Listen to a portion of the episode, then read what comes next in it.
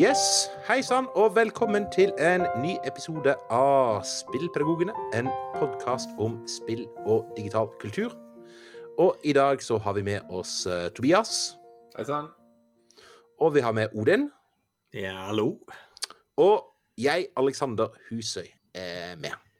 Og på programmet i dag, så Eller utgangspunktet for dagens episode, det er et uh, lytterspørsmål som vi fikk uh, her for uh, noen uker siden, som fremdeles har forblitt ubesvart, som vi tenkte vi skulle svare litt på i dag. Og det var Ja, kan jeg kan jeg lese opp den mailen som jeg fikk, da?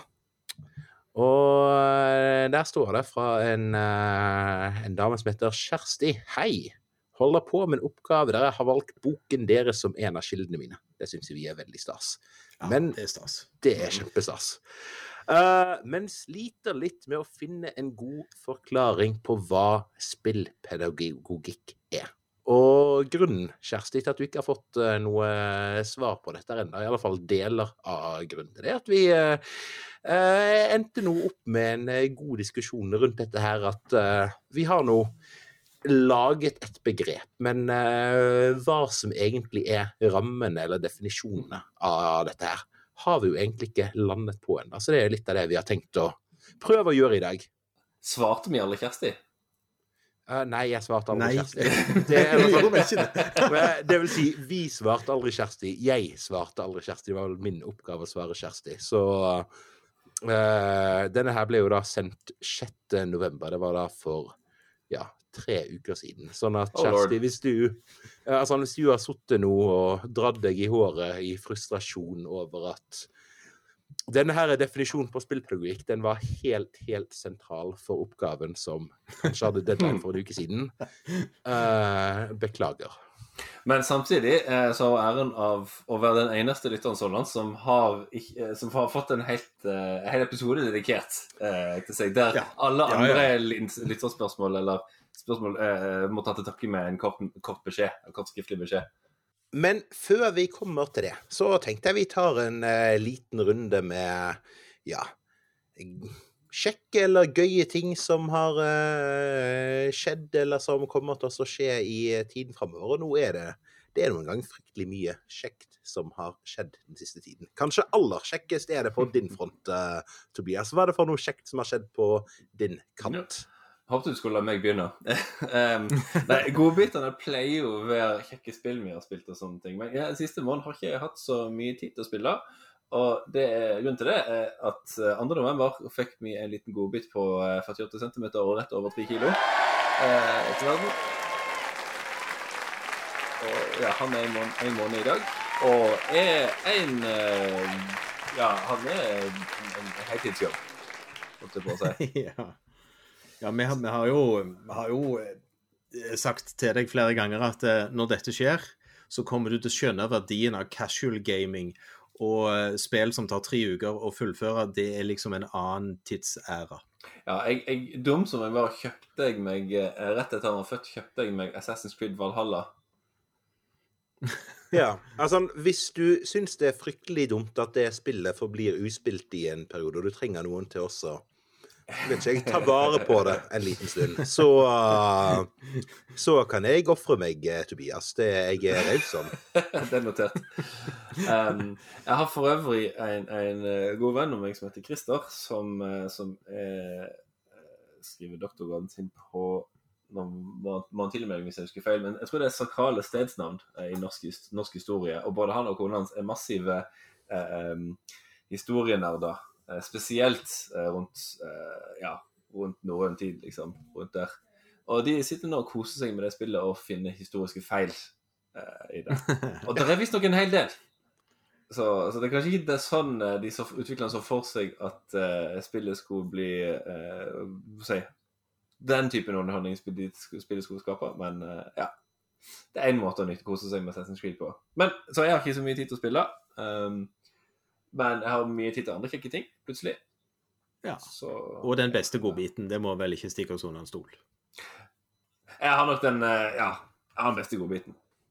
Ja. Han, er, ja. han er stort sett rolig og snill og, og, og grei. Man skal ikke bruke ordet snill og grei nødvendigvis om, om, eh, babyer som stort sett spiser og sover, men eh, han er Ja, det, de, de kan gjøre andre ting òg.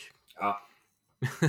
De kan jo så, så Neida. da. det, er, det er litt slitsomt. Iallfall for de to første ukene var ganske harde. Men, men det er kjempekjekt, og jeg gleder meg til, gleder meg til, til det bare blir kjekkere og kjekkere. Mm. Ja, nei, og det, det kan vel både meg og Odin attestere, at eh, det er veldig mye som blir både eh, kjekkere og kjekkere etter hvert også. Det, ja, og, men det skal, det skal sies, som for så vidt kanskje være min innledning til min, min godbit òg, at uh, min godbit, uh, som nå er 13 år eh, Litt sånn retrospektivt. Jeg, jeg har jo null erfaring med unger før de er to år. Mm. Uh, siden han junioren vår eh, er adoptert. Så, så jeg har jo null erfaring i forhold til dette null til to år. Så har jeg veldig mye erfaring fra to og oppover. Ja, når i mesteparten er to og oppover, da. Altså, Ja. Si. ja. Uh, og ellers denne litt underlige erfaringen av å adoptere, som er jo en egen, egen liten sfære i, i, i Mm. livet, for å si det sånn. Ja. Men ellers så tenkte jeg da også at min godbit er eh, at jeg eh, nå, nå er jo sånn at jeg, jeg, jeg identifiserer meg med forrige episode. Jeg husker ikke om det var da vi snakket om, dere snakket om en bracelet, eller om det var forrige episode før det igjen. Men uansett. Jeg har spilt gjennom en bracelet sjøl. Kjempespill. Alle bør kjøpe det og spille det. Men etter jeg hadde gjort det sjøl og tenkte at eh, her eh, er det et kjekt spill, så utfordra jeg eh, Fortnite-nerden i huset, han på 13, eh, til å si at eh, nå skal du få leksa av far. Eh, og den leksa er at du skal spille gjennom Embracelet. Eh, du skal begynne, og du får ikke lov til å spille noe annet før du har kommet gjennom spillet. Da lurer jeg veldig på eh, Spill som pappa ber deg spille, hvor kjipe oppleves de? Eller, eller, eller hvor kjipt oppleves det liksom prosjektet å tving, tvinges til å spille noe? Han er godt opplært. Okay. Eh, så så eh, han har sjelden negative opplevelser. Jeg pleier ikke å utsette han for spill som jeg tror at han ikke kommer til å like, for å si det sånn. Eh, men, jeg, men jeg utfordrer han gjerne på spill som han ikke ville funnet på og spilt sjøl, Mm. for å si det sånn. Eh, samtidig som jeg da tror han kommer til å like det spillet som jeg utfordrer han til å spille. Og Embracelet var en innertier. Ja. Uh, han begynte, kom liksom litt inn i historien til han Jesper, og kom seg av gårde til øyen og traff de to andre tenåringene, tenåringene der, og da var han kjøpt og betalt, holdt jeg på å si. Uh, han spilte gjennom resten av spillet og var minst like begeistra for det spillet som jeg var. Ja. Og, og opplevde det som en veldig fin fortelling. Uh, og, og hadde liksom litt av de samme refleksjonene som jeg liksom gjorde meg òg. Selvfølgelig jeg er en del eldre og, og på en måte ser jo litt hva spelskaperen gjør, og han er ikke så gammel. Og ser jo kanskje ikke de tingene, men opplever en del av de tingene. Samtidig som han er, nå begynner å bli stor nok til at han ser litt sånne ting, han òg. Mm. Eh, og, og det var en litt sånn kjekk opplevelse å kunne snakke om det etterpå og ha det som en sånn felles opplevelse. Og nå vet jeg, Har dere to spilt gjennom det? Nei? Nei, Nei, du har ikke Nei. Nei. Det er på lista mi. Ja, det, det er vel verdt å ha spilt gjennom det. Uh, det er jo ikke, et- det er ikke et vanskelig spill. sånn at Disse puslene handler jo egentlig bare om å finne ut hvor du skal gå hen. Siden jeg plutselig har veldig Eh, mye mindre gametid, hvor lang tid tar det? Jeg, tror- jeg tror det tar tre timer. Ja, OK, det er ikke så galt, det. Ja. Um, men, men det morsomme, som jeg jo for så vidt har sagt, òg, spillet tar jo legning som tematikk på en utrolig ufarlig måte. Altså hele denne oppvekst-forelskelsesbiten tar en nok, og jeg som 50-åring ble jo liksom 17 år igjen og på en måte syns jo nesten det var litt sånn småromantisk og koselig. Og, og det er jo en sånn sekvens der du eh, der disse to, jeg håper jeg, jenta og nevøen, jenta og gutten på, som bor på øyen, Uh, de har, har en liten fest, og så skal de bade, så de kler av seg alle klærne. Jesper er litt sjenert og vil ikke kle av seg, mens de to kler av seg og skal bade. Og da har du valget, da skal du snu deg og lukke, så snur du deg og lukker øynene, men så får du valget, skal du snikkikke? Mm. Og hvis du svarer ja, så må du velge, skal du snikkikke på han, eller skal du snikkikke på henne? Ah. Uh, litt, altså, og, og det, det morsomme var jo på en måte, så spurte jeg junior, liksom, Nei, Kikte du? Og en, enda kom- artig spørsmål å få av pappa. Det, Ja, ikke sant? Jo, ja, men, sånn, men det var liksom samme Ja. spilleopplevelse. Liksom, det var den festen. Kikte du på noen av de? Nei. Han tålte ikke. Nei. Igjen så var det liksom fin samtale om liksom dette med spill, og på en måte, selv om det er helt ufarlig. Du kan Mm. snikkikke så mye du vil i et spill, men nei, han, han syntes ikke han kunne det. Han syntes det var litt feil. Så, øh, men, øh, men han endte opp med den megaromantiske avslutningen som jo far òg endte opp med. Ja. Som er en Hollywood-scene verdig, spør du meg. Eh, så, så, men, men det å på en måte få junior til å spille et spill han vanligvis aldri ville spilt, og han innrømte Han syntes det var kjempekjekt, han hadde aldri spilt det hvis ikke jeg hadde sagt det.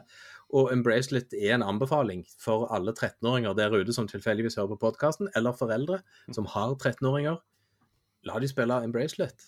Han, det, det satt veggimellom. Så det var min lille perle i dag. Og så, Ja. og så er vi jo veldig, ingen hemmelighet at vi Spillpedagogene er veldig fan av Mattis Folkestad, utvikleren. Ja, ja, ja. Ja. Mm. Ja, og ingen tvil. Jeg, jeg, jeg fatter jo i praksis ikke at én mann kan sitte og lage sånne spill. Han er et renessansemenneske. Ja. Ja. Mattis Folkestad er jo da utvikleren av Milkmaid of the Milky Way, som jeg tror vi nå har nevnt i ti av de siste tolv episodene. Mm. Men eh, jeg vil eh, gå over til min godbit, jeg. Mhm. Og da har jeg med meg en liten sånn rekvisitt. Det, dette er jo radiofaglig svakt, for dette, dere kan jo ikke se denne rekvisitten. Iallfall eh, alle unntatt eh, Tobias Odin, som jeg nå eh, snakker med. Men eh, det jeg holder opp nå, det er eh, boken vår, da. 'Spillpedagogikk dataspill i undervisningen'. Og nå kommer den ut i eh, Ja, nå kom den ut i juni. Slutten av juni. Ja. Mm. ja. Og i eh, forrige uke nå så fikk vi jo en eh, gladmelding fra forlegger om at eh, den kommer ut Den skal til opptrykk. Eh, kommer ut i eh, Det heter vel ikke andre utgave, men det heter andre opptrykk? Var det? Opplag. Opplag. Ja, opplag. Ja. Andre, andre opplag, ja. Sånn at eh, det det betyr, kjære lytter, det er at hvis du har lyst til å så, eh, sikre deg denne sjeldne perlen i første opplag, eh, så er det nå det gjelder også å komme seg ut i bokhandelen eller på nettbokhandel eller hva det er, og så eh, få med seg første, førsteopplaget av eh, av. Men det det betyr, sant, det er jo uh, noe Det er jo ikke de store royaltiesene som jeg regner med vi kommer til å dra hjem uansett. Men uh, jeg syns nå i alle fall det er ganske tøft at eh, det er såpass mange som faktisk er interessert i å ja, i dette temaet som uh, for ikke så fryktelig mange år siden var supersnevert. Som, eh, som vi alle sammen føler nå at er litt mindre snevert i dag, da. Og jeg innså nettopp at jeg har en sånn framtidsdrøm som jeg ikke visste jeg hadde.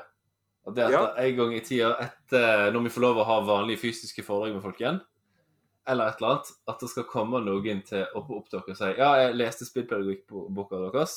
Um, jeg er ikke enig med dere, eller et eller annet sånt. Altså at vi kan, at den Ja. på et vis gir Mm. grobunn for um, og Det syns jeg har blitt mer og mer av de siste årene, men at den skaper ytterligere grobunn for faglig, uh, eh, faglige diskusjoner som er utfordrende og lærerike for alle involverte. Uh, Mm. Og det samme litt det samme med mukken til Magnus. At, at, um, at leveling the playing field, så å si. Og at vi gjerne blir kanskje utfordra på noen av antakelsene, eller ideene eller utsagnene våre og, og, og sånne ting. Det håper jeg å skje.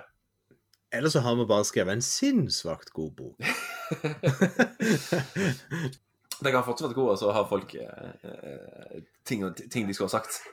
Ja, jeg, Ja, ja, ja. jeg er villig til å trekke konklusjonen om, at- konklusjonen om at vi har skrevet en sinnssykt god bok, uavhengig av om folk blir eh, provosert eller uenig, eller om den svelger som gospel. Ja. Men vi må vel komme til en eh, annonsering eh, nå, for at vi uh, nå uh, Trøbbelet er at vi kunne, kunne prate og prate i det uendelige. Men uh, vi har en annonsering også eh, komme til, og så uh, ikke minst så har vi jo dagens headliner, altså hva er egentlig dette spillpedagogikk-begrepet. Men Ja, det, får vi ikke, det får vi ikke tid til med å vente til neste episode. du får- ja, nei, men hva annonserer jeg? Beklager. Nei, jeg tenkte du skulle få lov å annonsere, Odin. Å ja. Ja, vi har i vår frimodighet Så det skal jo være N-kull i mai. Og selvfølgelig, siden korona er korona, så blir jo N-kull aldri helt sånn som L-kull har vært. Uh, og vi spillpedagoger vi er ivrige og glade, så vi har jo selvfølgelig snakket med N-kull og spurt Hei, dere, vi har lyst til å snakke om det, vi har lyst til å snakke om det, vi har lyst til å snakke om det. Kan vi få lov? Eh, og så fant vi vel egentlig ut at vi hadde så mye vi hadde lyst til å snakke om, så vi spurte jo da N-kull om dere, kan vi få et eget rom der vi kan holde foredrag en hel dag på N-kull? Eh, vi, vi eier jo ikke jantelov. Det fins ikke jantelov hos oss. Eh, og så sa N-kull God idé. Dere, ikke, har dere lyst til å ha en egen dag eh, som en sånn pre-N-kull nå i, eh, på slutten av 2020? Som blir liksom dataspill i skolen og N-kull, som dere får ansvar for? Og vi sier jo ikke nei til et sånt tilbud. Så ah, vi skal onsdag 9. desember ha- har N-kull en sesjon, en online gratis eh, sak om dataspill i undervisning, som vi i Spillpedagogene har fått ansvar for. Så hvis dere går inn på nkull.no, så vil dere finne påmelding til 9. desember. Det er vel fra 9 til 12 sånn cirka, ish. Uh, det vil bli gjort opptak av det òg, men for all del, hvis dere har anledning til å fylle med live, meld dere på. Vi syns det er kjekt med masse deltakere som er live oppi dette. Mm. Uh, og så har vi spennende gjester. Det er ikke, altså, da er det jo ikke bare oss tre som skal snakke, da er det jo alle spillpedagogene er vel mer eller mindre innom. Uh, og så har vi vel to gjester. Vi har fått med oss Kristine Ask, hey. som skal snakke om spill og representasjon. Uh, som jeg syns høres dritkult ut. Jf. 13-åringen min i huset, som jeg har jo da oppdaget at representasjon betyr noe. I, uh, i hvordan han opplever både film og spill. Mm. Og, og det tenker jeg at det, det er ikke Vi har ikke vært så veldig opptatt av som de hvite, beskjeggete mennene vi stort sett er, minus Ragnhild. Men kunne du allikevel, Odin, bare forklart hva, Når du sier representasjon i spill, bare hva, Ja. altså, hva betyr egentlig det? Altså det, nå skal ikke jeg Det er jo så spennende å begynne å snakke om alt det som skal snakkes om den dagen, men sånn i korte trekk så er det jo rett og slett det altså Dataspill for alle er det vel Inkludering i dataspill er vel noe sånn tittelen hennes heter. Ja. Uh, og det er jo rett og slett det å passe på at når du lager et dataspill, eller det å tenke over hvem som blir inkludert i et dataspill av hudfarge, legning, eh, roller, mennesketyper, at det faktisk betyr noe. Og på hvilken måte de blir representert òg. Og hvordan de blir representert, og, og i forhold til hvordan vi tar det inn i undervisning. Mm. Uh, og selvfølgelig han hjemme, som her, som, som er adoptert, han bryr seg jo om litt hva hudfarge han har mulighet til at karakteren i spillet kan velge. Mm. Uh, eller hvordan ulike etniske grupper blir framstilt. Mm. Uh, jeg, jeg kan jo ta et sånn prakteksempel. Uh, selv om det ikke representerer for så vidt hans hudfarge. Men når, de, når Star Wars 7 kom ut Han har, han har sett Star Wars-filmene fra før alle de andre. Ja. Men når den nye, liksom, Star Wars 7, eh, kom, da var det én helt som, ble, som, som virkelig ble en helt for han, og det var Finn. Mm. Eh, og, og, og han hadde ikke på en måte reflektert sjøl over hva han savna i de andre Star Wars-filmene. Men, men at Finn var den han var som representasjon inn i den filmen, det var, det var heltestatus og identifikasjon umiddelbart. Mm. Eh, og som jeg som far på en måte tenkte Å, den har jeg missa. Sånn Mm. fullstendig. Den, den har ikke jeg vært klar over hvor sterk den representasjonsbiten Hvor mye det betyr for han. Mm. Og den biten der tror jeg det Kristine Ask skal Mm. Snakke en, Jeg gleder meg til å høre det. Mm. Eh, snakke om i dataspill i forhold til hvordan vi trekker det inn i undervisning. Kan man være litt vare for, og sikkert skrekkeksempler og sikkert gode eksempler. Mm. Mm. Absolutt. Ja, og den andre gjesten vi har, den er jo Nifs. Um, Ja. Selv om jeg ikke var med på den episoden, det er han Jason fra Heimdal Quest. Ja, Jason Reddy. Det Jason som, Reddy, eller er det heter. ja. som da skal snakke en del om uh, gamification. Og, eh, og for uh, de lytterne som husker uh, Ja, det, var vel, det er vel to episoder siden vi hadde en eh, liten runde på, på gamification. var. Var det forrige episode? Ja, forrige, ja, ja kanskje det var forrige episode. Det var forrige. Eh, da har nå jeg eh, Jeg i alle fall uttrykt en del skepsis til, eh, til en del av den tankegangen som ligger rundt eh, ja, det å ta inn gamification, eller da belønningssystemer i form av ulike spillelementer inn i klasserommet. Så Mm. uh, med litt flaks så klarer jeg kanskje å bli overbevist om at uh, her er det noe jeg ikke har forstått enda. Men det får vi nå se på. Ja, og det, det blir spennende. Han, han skal jo egentlig satt det som et post i, i Spillpedagogene i samtale med Jason Reddy. Ja. Eh, Så, så her skal vi få brynt oss litt. Og det er litt som du sa, Tobias. Det, det er jo godt å få brynt seg på noen som ikke nødvendigvis er enige med oss. Vi er litt sånn Av og til er vi litt for enige i spillpedagogen. Ja, det, det skjer veldig lite Eh. interessant hvis man bare nikker og bare Ja, ja. mm, mm. Ja, for, for vi har alle på en måte snakket ned litt gamification, og nå får en som på en måte har unektelig lagd noe som ingen av oss har vært i nærheten av å konstruere engang, Mm. vil jo forhåpentligvis si at han har tenkt en god del mer på dette enn det vi har, tross Mm. alt. Ja. Jeg er også enig i at vi ofte er altfor enige i denne podkasten. Ja. Og, og de gangene Og jeg setter mest pris på de gangene vi er uenige med hverandre av ulike grunner. Og det er ikke så ofte, men jeg setter veldig Nei. pris på det.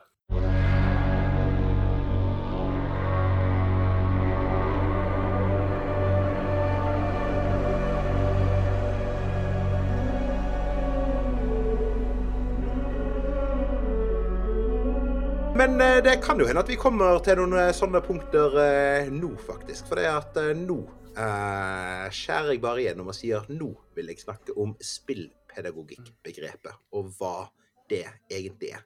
Og jeg har lyst til å innlede der. Og bare mm, si litt om hvor spillpedagogbegrepet kom fra i utgangspunktet. Og det var vel, eh, det var vel faktisk uh, Tobias som først foreslo dette navnet til uh, vår til vår tidligere rektor på Nålrig videregående skole for en ni år siden. Kan det stemme, Tobias?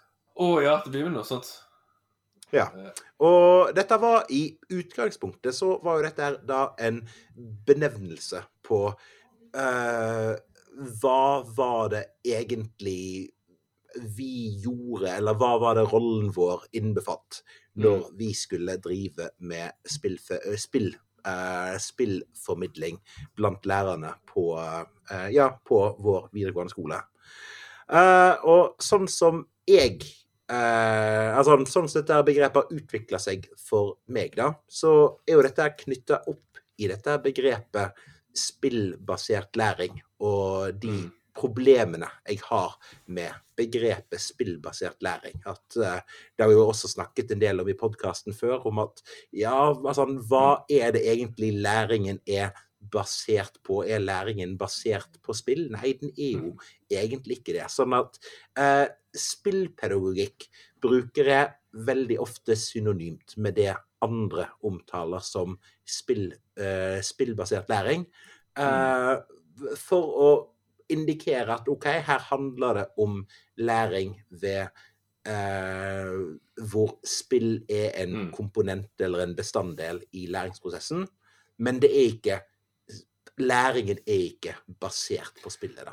Nei. Så det er jo Mm. min inngang til dette her. Og jeg vil gjerne eh, introdusere, for det første, for kanskje eh, kortslutte hele podcast-episoden med å prøve meg på en litt sånn definisjon tatt litt ut av lufta, men òg introdusere begrepet spilldidaktikk, som er den norske arbeidstittelen på avhandlinga mi. Um, oh, spennende. og da tenker jeg litt sånn ut av lufta at, jeg tenker sånn at, at spillpedagogikk handler veldig mer generelt om undervisning med Altså ja, undervisning der spillet er en prosess, altså en del av undervisningsaktivitetene. Mens spilldidaktikk handler mer om hvordan formidle faglig fagstoff, og hvordan nå faglige mål ved hjelp av dataspill. Altså det er en mer spesifikk greie, tenker jeg. Eh, det vil jeg spørre, Trenger vi de to begrepene, tenker dere, eller, holder vi, eller kan vi holde de som synonymer? Jeg vil gjerne høre hva dere mener. Ja, altså, jeg det er, jo, det er jo litt Det er jo da jeg kommer litt sånn, sånn min versjon av det, for spillpedagogikk er jo den nesten blandingen av det dere to har sagt. Mm, altså, for, jeg har tenkt på spillpedagogikk som, som undervisning der spill er en del av metodikken. Mm. Uh, og, og forstått som, som et virkemiddel i det undervisnings, uh, du for så vidt lager i klasserommet. Mm. Eh, og jeg, jeg tror jo at De kan jo være synonyme i den forstand, men jeg tror vi trenger begge. For jeg, jeg liker òg den spissingen av at spilldidaktikk er litt spissere inn mot, Mm. mot faget, mens spillpedagogikk er en litt mer diffus benevnelse. Ja, Den er litt Eh. mer nærmere beslekta med det begrepet vi ikke liker så godt, altså game-based learning eller spillbasert læring. På en måte. det, det, nei, den, den, den Eller? tar ikke jeg. Nei, nei, jeg, jeg opplever det Altså, Hvis det er et continuum, det er continuum tenker jeg, så ligger spillpedagogikk nærmere spillbasert læring enn spillpedagogikk. Den er litt Ja, enda nærmere ja. faget, på en måte. ja, det kan han gjøre, Jeg men jeg tenker jo mer da Ja, vet du hva, der er jeg fullstendig uenig. Men Nei, jeg, eh, jeg, jeg, jeg, det hørtes dumt ut nå etter jeg sa det. Stryk det. Ja, ja, altså jeg ville sagt spillpedagogikk er et folkelig begrep. Ja.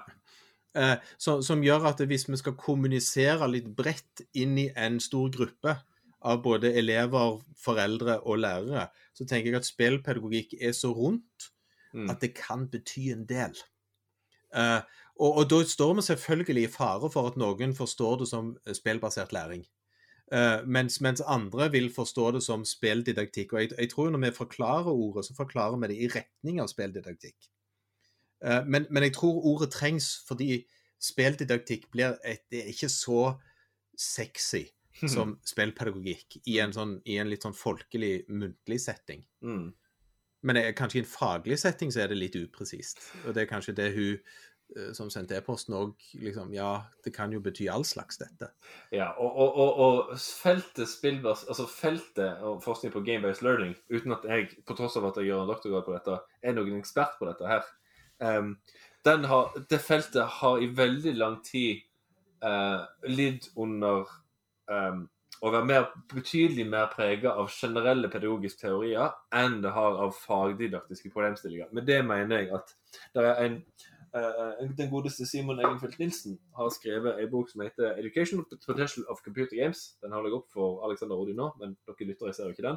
Det er altså en, en populærvitenskapelig versjon av doktorgraden hans. Altså. Der har han en veldig fint kapittel der han går gjennom liksom, historier til forskning på spillbasert læring, og viser hvordan det i starten var veldig eh, inspirert av behavioristiske læringsteorier, for så å gå via de kognitivistiske teoriene, og for nå å liksom ha endt opp med de eh, eh, sosiokulturelle læringsteoriene. Selv om alle disse tre fortsatt eksisterer side om side, så det har skjedd en slags utvikling.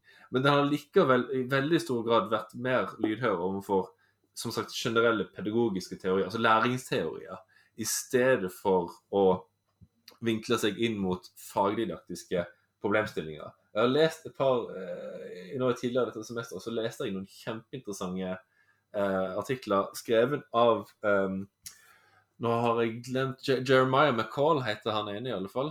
Og jeg har glemt hva den andre heter. Men det er altså college-professorer i historie i USA som har tatt inn eh, bl.a. Civilization og Lurer på om det var Europa Universalis. I alle fall, tatt inn dataspill i historieundervisningen sin. Og skriver eh, ikke, altså, de, de eier jo ikke forskningsmetodikk i det hele tatt, men de skriver veldig interessant, sånn hverdagslig og veldig tilgjengelig om deres bruk av av dataspill i klasserommet sitt, på college riktignok, og reflekterer veldig godt rundt eh, historiespesifikke læringsmål, og hvordan spill, disse spillene hjelper de å eh, nå de læringsmålene, og òg ser spillene opp mot pensumtekster og andre tekster de ser de på. Eh, og da oppnår du en presisjon og en sånn finkornhet i argumentet du klarer, og den diskursen du klarer å formulere, som er milevis unna det de mer sånn eh, behav, nei, eh, behavioristisk tilnærming til da- dataspill og læring. Altså, ja. Det var en veldig veldig lang eh, Jeg vet ikke om det er digresjon eller hva det er, for noe, men det var derfor min, min greie ved hvorfor jeg syns at begge begrepene behøves på et eller annet vis. Mm. Og hvorfor mye forskning på, på spill og læring har lang, lang vei å gå. Den, sa den kjepphøye ph.d.-studenten. Ja, men altså, ikke bare har forskningen en lang vei å gå, men altså, forskningen kommer til å få det vanvittig travelt hvis den skal klare å, skal klare å holde følge. Ba, altså, Mm. nå, nå tenker jeg altså, på den ene siden med hvordan spillmediet har utviklet seg, og sannsynligvis kommer til å utvikle seg på relativt kort tid. Kort tid sant? At mens eh, altså, uh, innenfor romansjangeren sant? Altså, uh, Måtene man skriver romaner på, endrer seg. Det, altså, det er en del trekk ved romaner som er skrevet i dag, som gjør de annerledes enn romaner skrevet for 200 år siden. Men de er ikke så veldig ulike allikevel. Altså, de har fremdeles den samme formen, de har fremdeles den samme eh, innbindingen. De blir fremdeles konsumert på den samme måten. Men eh, med spillmedie så eh, Altså, både utviklingen går i så mange ulike retninger samtidig, og det går så sabla fort. Mm. Mm. Mm, ja, det, det er jeg veldig enig med deg i. fordi at og, det er jo litt det som vi har snakket om hva spill er og sånne ting. Og det er jo den at spill er jo blandingen av Altså det er jo et kulturuttrykk i seg sjøl, som er et uttrykk vi har brukt veldig mye. Men det er jo samtidig en, en fusjon av veldig mange andre kulturuttrykk. Uh, og, og, som på en måte i, nesten i seg sjøl så er jo alle disse kulturuttrykkene en egen ting, og i et spill så blandes de. Og som du da sier, Alexander, der er det så mye utvikling som skjer om Mm. hvordan de blir blanda sammen. Hvordan en ser nye måter å bruke de ulike elementene i et dataspill til å uttrykke noe annet, til å gjøre noe annet, til å, å, å drive spilleren med i spillet på en måte som på en måte ingen visste at nesten var mulig å gjøre Mm. for en generasjon siden. Og bare for å være helt sånn up to date, selv om jeg ikke har prøvd, jeg har jo bare sett gjetordet av det, den nye kontrolleren til PlayStation 5 Mm. Har jo disse, disse aktive knappene som holder igjen for deg når du skal trykke dem inn. De kan gi motstand i, i knappen. Mm. Og bare den nye opplevelsen, som jo de som har prøvd dette, sier at det, det endrer jo hele måten de spiller spillet på, og opplevelsen av spillet. Som, som er jo igjen denne at du på toppen begynner å blande det fysiske elementet i spilleprosessen på en Mm. måte som på en måte ikke har vært til stede før. Mm. Og som igjen gir andre måter om hvordan du kan bruke spill i undervisning. Nå Tillat meg å, å, å, å, å rulle en snøre litt her. For nå, nå er vi på vei Nå har vi egentlig ikke svar på spørsmålet. Hva er spillpedagog? Altså, vi, vi, vi, er ikke, vi er ikke ferdig med å svare på spørsmålet. Um, vi er mer opptatt av å snakke om hvorfor det er viktig å ha en konkret definisjon av begrepet. Um, vi kan se hva det ikke er, i alle fall. Det kan jo være nyttig. Uh, og det er, så, så jeg ser det, og litt sånn som vi allerede har sagt, og har sagt flere ganger i mange episoder eh, Spillpedagogikk er ikke det samme som spillbasert læring. For spillbasert læring er stort sett um, ideen om at det er selve spillprosessen, spillinga, som lærer deg noe. Mm. Og den er fy-fy. Ja. Nå, trøbbelet med den distinksjonen der, er jo at eh, det er jo ikke Altså eh, altså, det er jo at det er jo ikke en fullstendig enighet om hva hva som ligger i spillbasert læring-begrepet heller. Sant? Altså, spillbasert læring brukes jo også veldig bredt. Men, eh, Ja. men hvis vi i vår felles forståelse eh, ser på spillbasert læring som ideen av at eh, her skjer det en eh, Her skjer det en prosess hvor man ved å spille et spill tilegner seg ny læring og kunnskap. Så eh, Og det ikke skjer noen ting utenfor den, eh, den interaksjonen som er mellom spiller og spill, så er det utenfor det vi forstår som spillpedagogikk. Er vi enige der? Ja, og, Ja. og, og den ideen om at det først og fremst er altså, interaksjonen mellom spiller og spiller som skaper læringa, den er altså, det, det er sånn feltet i hvert det definerer seg sjøl. Altså for, forskningsfeltet game-based learning. Okay. Men de har ofte, Mm. slenger ofte inn et par ting, sånn som at den sosiokulturelle konteksten rundt spillopplevelsen, eller gjerne læreren, eh, er viktig for at spillopplevelsen skal være lærerik. Men da er fortsatt, da er det, sånn som jeg ser, jeg ser det, og grunnen til at jeg lar meg provosere litt av den tankerekka der, er at da reduserer man fortsatt læreren til en slags nøkkel som må til for å låse opp det pedagogiske potensialet i spillopplevelsen. Eh, og det syns jeg vi alle skal eh, holde oss for gode for. Og bli redusert til. Nå, nå vet jeg ikke om jeg plutselig var helt enig, men det kan hende mer at det blir med ordvalg igjen. Ok, Det, det de ofte sier, det, det forskninga ofte sier, at, eh, at vi, eller sier viser at, at, at læreren er viktig for at altså læreren er viktig for at spillopplevelsen skal ha læringseffekt. Men da er liksom fortsatt man tar fortsatt Utgangspunktet er fortsatt spillopplevelsen. At spillinga i seg sjøl skal være lærerik. Ja, ja, altså, OK, skal jeg hive ut en liten sånn variant av den? Mm. For jeg har nylig sagt i et intervju i Bygdebladet i Randaberg at som lærer så håper jeg at når elevene spiller spill Jeg, jeg hater ordet motivasjon. Mm. Skal ikke brukes. Engasjement, motivasjon, vekk. Mm. Men hvis spill kan gi meningsfulle opplevelser, som jeg som lærer kan bruke i undervisning til de læringsmålene jeg har, så er spill unike i måten de kan gi disse meningsfulle opplevelsene på i forhold til en del andre eh, medier og Mm. kulturuttrykk. Eh, men, men da og, og du kan si, Selvfølgelig vil eleven lære et eller annet av disse meningsfulle opplevelsene. De, de vil jo ha de. altså Opplevelsen vil være der. Men min jobb som lærer er jo for så vidt å kanalisere en del av dette inn mot det som kan være den gode samtalen om de emnene som er, den gode refleksjonen rundt dette som er, eh, og, og styre for så vidt deler av denne opplevelsen inn. Så, så, men jeg vil ikke påstå at det er spillet som lærer de faget, men spillet kan legge et rammeverk som jeg som lærer kan Ja. bruke, som, som få andre ting kan bruke, Ja, så- som kan gjøre. Og da, og da er, bare for å avrunde, da er jo nettopp poenget mitt at hoved, altså utgangspunktet og kjernen er jo på en side læreren sin eh, planlegging og gjennomføring av undervisning og de Ja. læringsaktivitetene. Og det, så det, det, det er um, skal vi si, Det er ikke læreren som medierer læringsinnholdet i spillet for elevene. Det er heller spillet, læreren som medierer faglig, faglig innhold via spillet. Bruker spillet til å demonstrere et eller annet, f.eks. Eller Eh, nå må du ta og dum this down for adjunkten her, som uh... Ok, Poenget mitt er altså, la, la oss si at spillet har et potensial for- at Spill meg, så lærer du dette. Og så får du ikke helt det ja, men jeg har ikke lært helt det spillet uh, Jeg har ikke lært meg helt det spillet vil lære meg. Så kom her, skal jeg hjelpe deg, sier læreren. Du må gjøre sånn og sånn. Hva tenker du om det? Og så, så, så, så læreren medierer spillopplevelsen for deg. Altså hjelper deg et, et, et, Ja, sånn, ja. Altså På samme måte som um, Mm. hvis, altså, hvis man lærer barnet sitt å sykle eller svømme, f.eks., så hjelper man til. Man er, man er, man hjelper, man, man er, liksom støtte, man er et slags støttehjul for, liksom, for uh, den som skal lære å sykle ja, eller altså, svømme.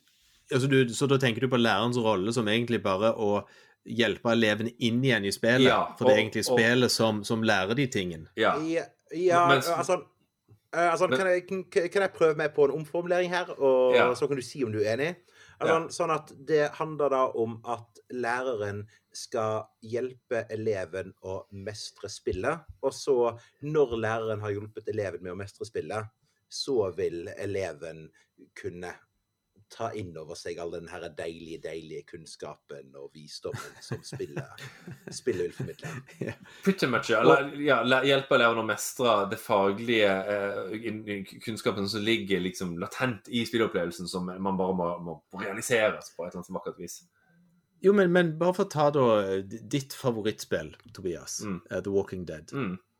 Um, for der er det jo for så vidt et spill som du kan spille, og du må ta valgene som du blir presentert for i spillet.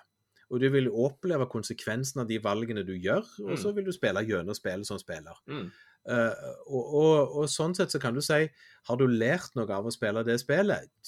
Tja, det vet du for Altså, ja, noe har du lært, men om, om du har knytta denne læringen til en sånn læringsmål basert i forhold til ønsket om hva som står i læreplanen i en skole, tja, det er i så tilfelle bare tilfeldig.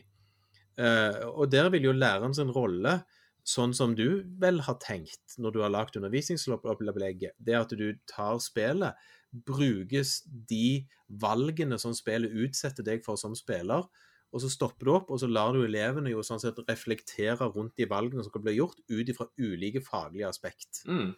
Der, der du jo er en, er en mediator for eh, teoriene som handler om etikk og valg, og så bruker du spillet som et verktøy akkurat i den situasjonen der, men som aktualiserer eh, valgene for elevene og gjør disse spillet til det som jeg kaller for meningsfulle opplevelser. Ja. Ja, og det, det er jo nettopp det. Altså, og, og meningsfull opplevelse er egentlig et veldig godt begrep. Og det er jo altså, Det er her forskjell på, spill, eh, på spillpedagogikk eller didaktikk og game based learning ligger. At ideen om at for I Walking Dead-opplegget for eksempel, så er det jo læreren som har en idé om hva elevene skal lære.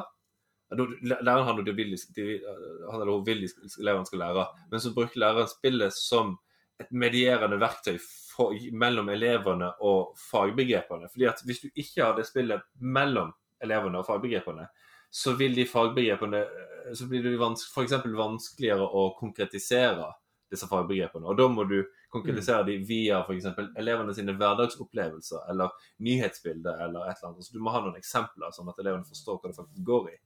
Uh, I dette tilfellet så bruker vi spillet da, i stedet for andre ressurser for å gi mm. mening til disse begrepene. Så det er ikke spillopplevelsen i seg sjøl som gir deg dypere innsikt i konsekvensetikk. Det er først og fremst diskusjonen i klasserommet og, og læreren sin gjennomgang.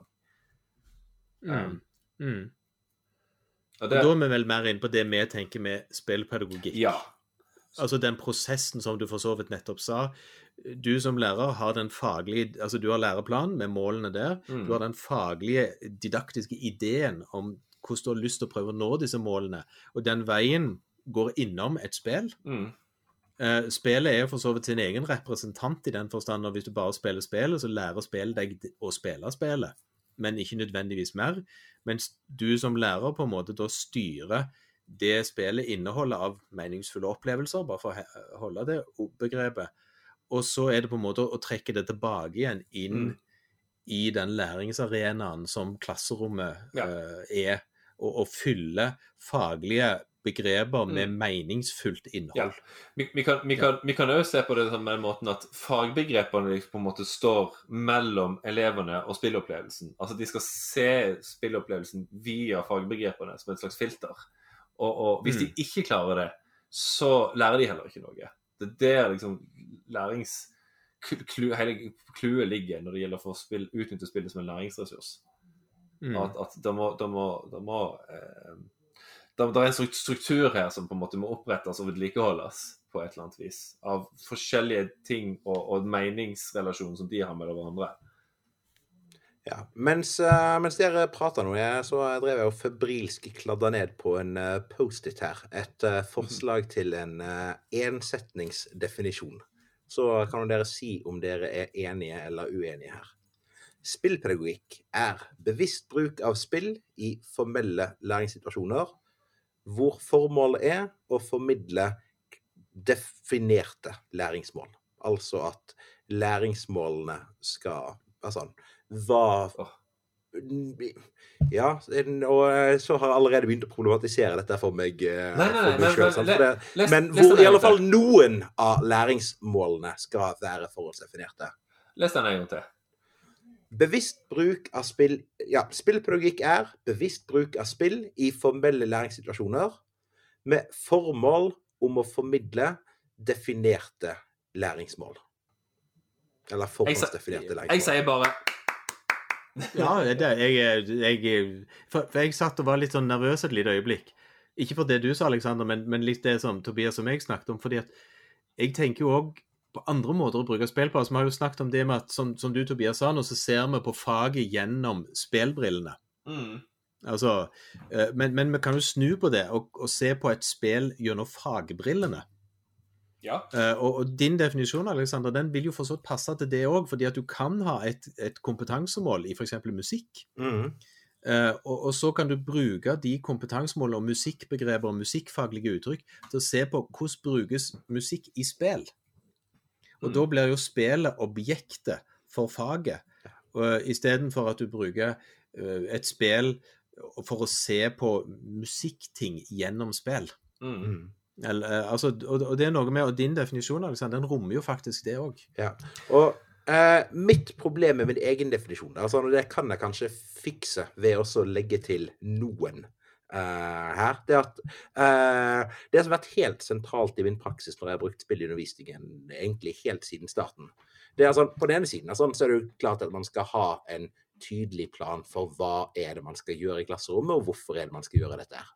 Men fordi at spill er uforutsigbare på en måte som en roman eller en avisartikkel eller en lærebok ikke er uforutsigbare. At det kan skje ting i spillet som du lærer Mm. eh, Om ikke umulig, så i alle fall særdeles vanskelig å forutsi på forhånd. Så eh, det å legge til rette for det som jeg kaller for uintendert læring, altså at eh, når elevene har gjort refleksjoner som man ikke hadde planlagt at de skulle gjøre på forhånd, eller for den saks skyld når de har tatt valg i spillet som eh, Ja, som eh, Altså, som sender eh, planen for læring i en annen vei Mm. enn det jeg egentlig hadde tenkt. At man kan gripe fatt i det og bruke det at eh, her kan det komme momenter som man ikke har planlagt på forhånd. Der er, Mm. jeg tror Torkil Hangøy, eller Jeg har glemt hva jeg leste det, men jeg tror Torkil Hangøy kaller det fint ord for det. Teachable moments. Ja, ja, ja, Ja. ikke sant. Det, Ja, ja. Det er jeg synes det er et veldig Mm. fint ord. Ja, og av og til eh, Det er jo litt det som vi spillpedagoger av og til gjør, iallfall når vi har litt tid og lyst og litt ondskapsfulle, Mm. og å utsette elever for sånne ting. Vi har vel alle bare latt de spille et spill for å se om disse teachable moments dukker opp. Mm. Absolutt. Eh, altså, jeg har jo jeg har jo en idé av og til om, om hva jeg håper dukker opp, men jeg skal innrømme at det, et av mine favorittundervisningsopplegg om Proteus Mm. Der tok jeg en råsjanse, for jeg, jeg regnet ikke med at elevene kom til å forstå eller like spillet overhodet. Eh, og, og så ble det liksom en av de bedre opplevelsene jeg har hatt med elever og spill, og den har, og den har latt seg gjenta med Mm. andre elever. Så, så det litt sære spillet, som du kan tolke som et digitalt dikt, det treffer et eller annet. Og som jo har blitt et sånn teachable moment. For, for plutselig så er det ting som du ikke sjøl vet om spillet, men som ligger innenfor rammeverket av hva spillet kan være Mm. som gjør at det kan gi disse fine øyeblikkene. Men, men du har liksom ingen garanti for det. Men selvfølgelig, dess mer jeg har spilt spillet med elever, så er jeg jo mer forberedt på en del av de. Men, men det, det er jo noe med å finne disse øyeblikkene òg. Dette er jo noe av det som er herlig med å undervise i et system hvor det stort sett er høy grad av tillit mellom lærere og ledelse. Det at uh, Ja. uh, Altså Ja, det at vi kan jobbe på en skole hvor eh, vi kan eh, Altså, hvor vi ikke engang trenger oss å skjule at eh, her vet jeg ikke egentlig helt hva jeg gjør helt enda, men jeg tror at dette kan være bra. Og ja. nei, sånn at det, altså, det er noe jeg tror er viktig i et utdanningssystem. Det at, uh, det at det er rom for å gjøre disse her utprøvingene av også de tingene som vi ikke vet. Mm. Det er litt sånn der det er litt sånn al, al, al, alke, altså alkymi inni her, på et eller annet vis. Innenfor sånn altså, det er litt sånn putt, ting sammen og se hva som skjer, type greie. Altså, man må liksom planlegge for det uplanleggbare. Jo, men, men det tenker jeg jo jeg, jeg ble veldig glad i det du sa, Alexander, om, om at dataspill utvikler seg så fort at her er, er du på en måte ikke i en, et sted der du kan nødvendigvis planlegge alt. Nei. Mm. Ja, det er vel et eh, Det er jo ikke ukjent det i pedagogikken heller. Jeg mener å huske fra, huske fra PPU så snakket de om eh, den døde mus-pedagogikk eller et eller annet sånt. Det altså som da er Altså den kommer fra, kommer fra barnehagepedagogikken, eh, jeg tror. Det bygger på en, bygger på en anekdote at barnehagen skulle ut på tur. De har eh, på forhånd et mål om å se etter vårtegn eller et eller annet sånt. Og ja, og det er et eller annet konkret de skal utforske. Og så på veien så eh, kommer de over en død mus. Og denne her døde musen er disse barna så nysgjerrig på med hvor, hvor kommer den fra, og mm, altså, eh, hvorfor er den døde musen akkurat her? Eh, sånn, eh, hvorfor lever mus? Eh, livet og døden og, og alle disse her store spørsmålene. Sant? Sånn at Mm. eh, eh, Ja, denne her ideen om altså eh, gripe fatt i hvor elevene er akkurat der og da. Det er jo ikke noe som eh, eh, altså, Dette er jo ikke noe helt sånn revolusjonerende og nytt som, eh, som kommer inn med at spill kommer inn i undervisningen heller. Nei, men, men, jeg, men, jeg, men jeg tenker jo at, som du nevnte, at spillet har jo det elementet i seg som kanskje utfordrer en del lærere mm. i måten å forstå hvordan du kan ta i bruk spill i undervisning. At du må være villig til å gi det litt det der slarket. Det er ikke så forutsigbart som boka, som filmen, som Nei. musikkstykket. Eh. Eh, og, og det vil ikke gi samme svar Mm. Hver gang du på en måte spiller det av. Det er en som heter Jeg tror han heter Greg gikk. Han skrev en bok som heter The Uncertainty of Games. Der han eh, skriver om hvorfor, hva er det som er så appellerende med spill. Jo, det er jo at de byr på disse ulike typene uforutsigbarhet. Da, da, da går gjennom mange typer uforutsigbarhet i spill. Altså uforutsigbarhet knytta til egen prestasjon, til hvor, hvilken side terningen eh, havner på, til hvor- hvilken kort du får utdelt, til hva er det motstanderen min har tenkt å gjøre, hvordan masse alle disse typene her. Um, og, og, og noe av altså God spillpedagogikk er jo å på en måte ta, ta inn over seg den dynamikken som uforutsigbarheten i ulike typer spill skaper, og, og bruke det for å prøve å legge til rette for ja, den døde mus-pedagogikk. Mm. Mm.